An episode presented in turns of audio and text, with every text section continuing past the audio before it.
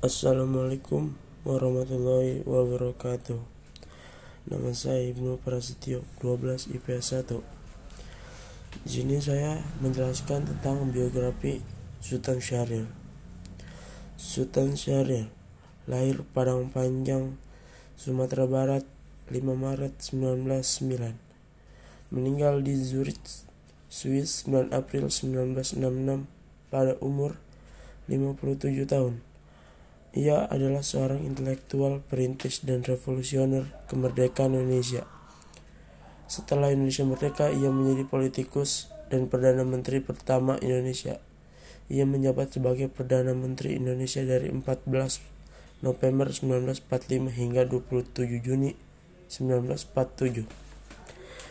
Syahrir mendirikan Partai Sosialis Indonesia pada tahun 1948. Ia meninggal dalam pengasingan sebagai tawanan politik dan dimakamkan di TPM Kalibata, Jakarta. Sultan Syahrir diketepatkan sebagai salah satu pahlawan nasional Indonesia pada tanggal 9 April 1966 melalui Kepres nomor 76 tahun 1966. Syair lahir dari pasangan Muhammad Rasad gelar Maharaja Sultan bin Sultan Leman gelar Sultan Palindi dan Putih Siti Rabiah yang berasal dari kota Gadang, Agam Sumatera Barat. Ayahnya menjabat sebagai penasehat Sultan Deli dan kepala jaksa Landrat di Medan. Syahrir menganyam pendidikan di sekolah dasar ELS dan sekolah menengah Mulo terbaik di Medan. Pada 1926, ia selesai dari Mulo, masuk sekolah lanjut atas AMS di Padang. Sekolah termahal di India Belanda saat studi sekolah itu, dia bergabung dalam himpunan teater mahasiswa Indonesia Mata Voice sebagai sutradara, penulis skenario, dan juga aktor. Pasca proklamasi kemerdekaan, Sultan Syahrir dikenal sebagai ujung tombak perjuangan diplomasi Indonesia. Dirinya menjabat julukan tersebut karena kontribusinya sangat besar terhadap keberhasilan perjuangan diplomasi Indonesia di dunia internasional. Peranan yang dimiliki Sultan Syahrir dalam persiapan kemerdekaan Indonesia adalah melakukan kegiatan penculikan bertujuan untuk menculik Ir Soekarno dan Muhammad Hatta. Dikarenakan Sultan Syahrir telah mengetahui kekalahan Jepang dengan cara mendengar berita yang berasal dari stasiun radio yang berasal dari luar negeri.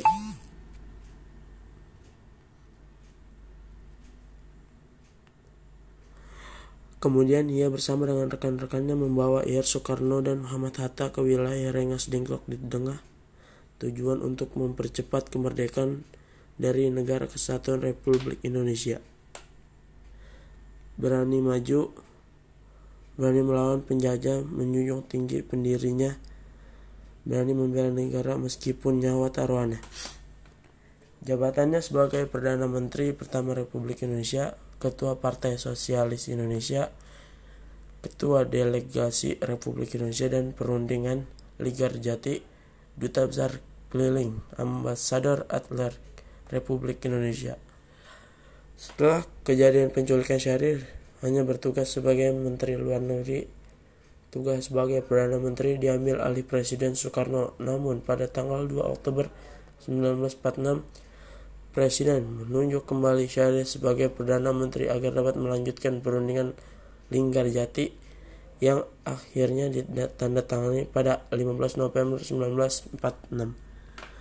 Tanpa Syahrir, Soekarno bisa terbakar dalam lautan api yang telah ia nyalakan. Sebaliknya, Sulit dibantah bahwa tanpa Bung Karno Syahrir tidak bisa berdaya apa-apa. Syahrir mengakui Soekarno pemimpin republik yang diakui rakyat. Ada satu cerita perihal sikap konsekuen pribadi Syahrir yang anti kekerasan di penghujung Desember 1946. Perdana Menteri Syahrir dicegat dan ditolong pistol oleh Serdadu Nika. Saat Serdadu itu menarik pelatuk pistolnya macet karena geram dipukul Syari dengan gagang pistol berita itu kemudian tersebut lewat radio Republik Indonesia mendengar itu Syahrir dengan mata sembab membiru memberi peringatan keras agar siaran itu dihentikan sebagai berdampak fatal dibunuhnya orang-orang Belanda. Tawanan oleh para pejuang Republik ketika tahu pemimpinnya dipukuli. Meski jatuh bangun, akibat berbagai tantangan di kalangan bangsa sendiri, Kabinet Syair 1, Kabinet Syair 2, sampai dengan Kabinet Syair 3, 1945 hingga 1947. Konsisten perjuangan kedaulatan Republik Indonesia lewat jalur diplomas. Syair tak ingin konyol menghadapi tentara sekutu yang dari segi persenjataan jelas jauh lebih canggih. Diplomasinya kemudian berubah kemenangan sementara. Inggris sebagai komando tentara sekutu untuk wilayah Asia Tenggara mendesak Belanda untuk duduk berunding dengan pemerintah Republik secara politik. Hal ini berarti secara de facto sekutu mengakui ekstensi pemerintah Republik Indonesia.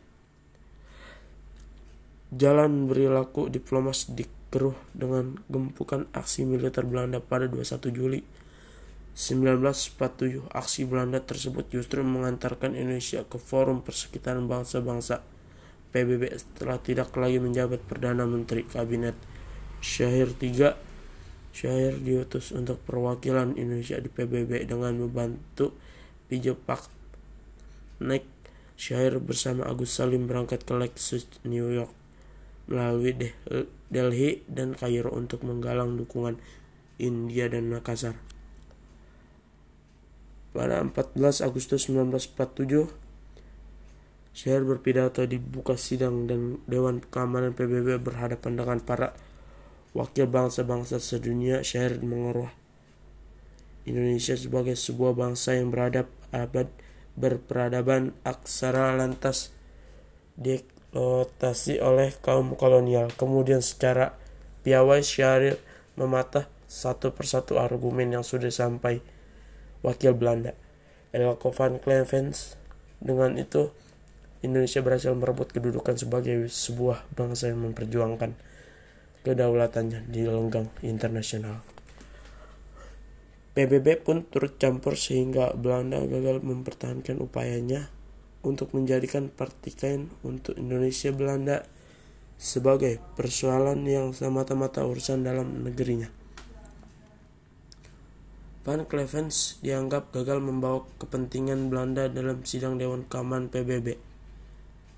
Berbagai kalangan Belanda menilai kegagalan itu sebagai kekalahan seorang diplomat ulang yang berpengalaman di gelangan internasional dengan seorang diplomat muda dari negara yang baru saja lahir. Van Clevens pun ditarik ke posisi sebagai wakil Belanda PBB menjadi duta besar Belanda di Turki. Syair populer di kalangan para wartawan yang meliputi sidang Dewan Keamanan PBB terutama wartawan-wartawan yang Indonesia sama revolusi beberapa surat kabar memakam menamakan Syahrir sebagai meliming diplomat. Syahrir mewakili Indonesia PBB selama satu bulan dalam dua kali sidang pimpinan legislasi Indonesia selanjutnya diwakili oleh Lambertus Nicodemus Palar Palar sampai 1950. Selepas pemimpin kabinet Sultan Syahir diangkat menjadi penasihat Presiden Soekarno sekaligus duta besar Keliling pada tahun 1948 Syahrir mendirikan Partai Sosialis Indonesia sebagai partai alternatif selain partai lain yang tumbuh ke gerakan komunis internasional meskipun PSI berhaluan kiri dan mendasarkan pada ajaran Marx Engels. Ia menentang sistem kenangan Uni Soviet. Menurutnya pengertian sosialisme adalah menjunjung tinggi deratan kemanusiaan dengan mengaku dan menjunjung persamaan derajat tiap manusia. Tahun 1955 PSI gagal mengumpulkan suara dalam pemilihan umum pertama di Indonesia setelah kasus PRRI tahun 1958 hubungan Sultan Syahir Presiden Soekarno memburuk sampai akhirnya PSI dibubarkan tahun 1960 tahun 1962 hingga 1965 Syahir ditangkap dan dipenjarakan tanpa diadil sampai menderita stroke. Setelah itu Syahrir diizinkan untuk berobat ke Zurich, Swiss. Salah seorang kawan dekat menjabat wakil ketua Sugondo Jojo Puspito mengantarkannya ke bandara Kemayoran dan Syair memeluk Sugondo dengan air mata akhirnya meninggal di Swiss pada tanggal 9 April 1966. Sultan Syair memiliki karya yaitu Pikiran dan Perjuangan, Pergerakan Kerja, Perjuangan Kita. Revolusi menciptakan atmosfer amarah dan ketakutan karena itu sulit untuk berpikir jernih. Sehingga sedikit sekali tokoh yang punya konsep langkah-langkah strategis meyakinkan guna mengendalikan kecamuk revolusi saat itu. Ada dua yang dengan pemikirannya yang populer. Kemudian dianut banyak kalangan pejuang republik. Tan Malaka, Sultan Syahir, dua tokoh pergerakan kemerdekaan yang dinilai steril dari noda kolaborasi dengan pemerintah fasis Jepang. Meski kemudian bertantangan jalan dalam memperjuangkan kedaulatan republik. Pada masa genting itu, Ung Syahir menulis perjuangan kita sebuah risalah peta persoalan dalam revolusi Indonesia sekaligus analisis ekonomi, politik, dunia usia perang dunia dua Perjuangan kita muncul mencetak kesadaran risalah itu ibarat pedoman peta guna mengemudikan kapal Republik Indonesia di tengah badai revolusi. Tulisan-tulisan syair dalam perjuangan kita membuatnya tampak berseberangan dengan menyerang Soekarno. Jika Soekarno amat terobsesi pada persatuan dan kesatuan syair justru menulis tiap persatuan hanya akan bersifat taktis, temporer, dan karena itu insidental usaha-usaha untuk menyatukan secara paksa hanya menghasilkan anak benci persatuan semacam itu akan terasa sakit tersesat dan merusak pergerakan dan dia mengancam Soekarno nasionalisme yang Soekarno bangun di atas atas teratas sebenarnya adalah pasti musuh terbesar kemajuan dan kita juga mengejarkan kaya. Wassalamualaikum warahmatullahi wabarakatuh.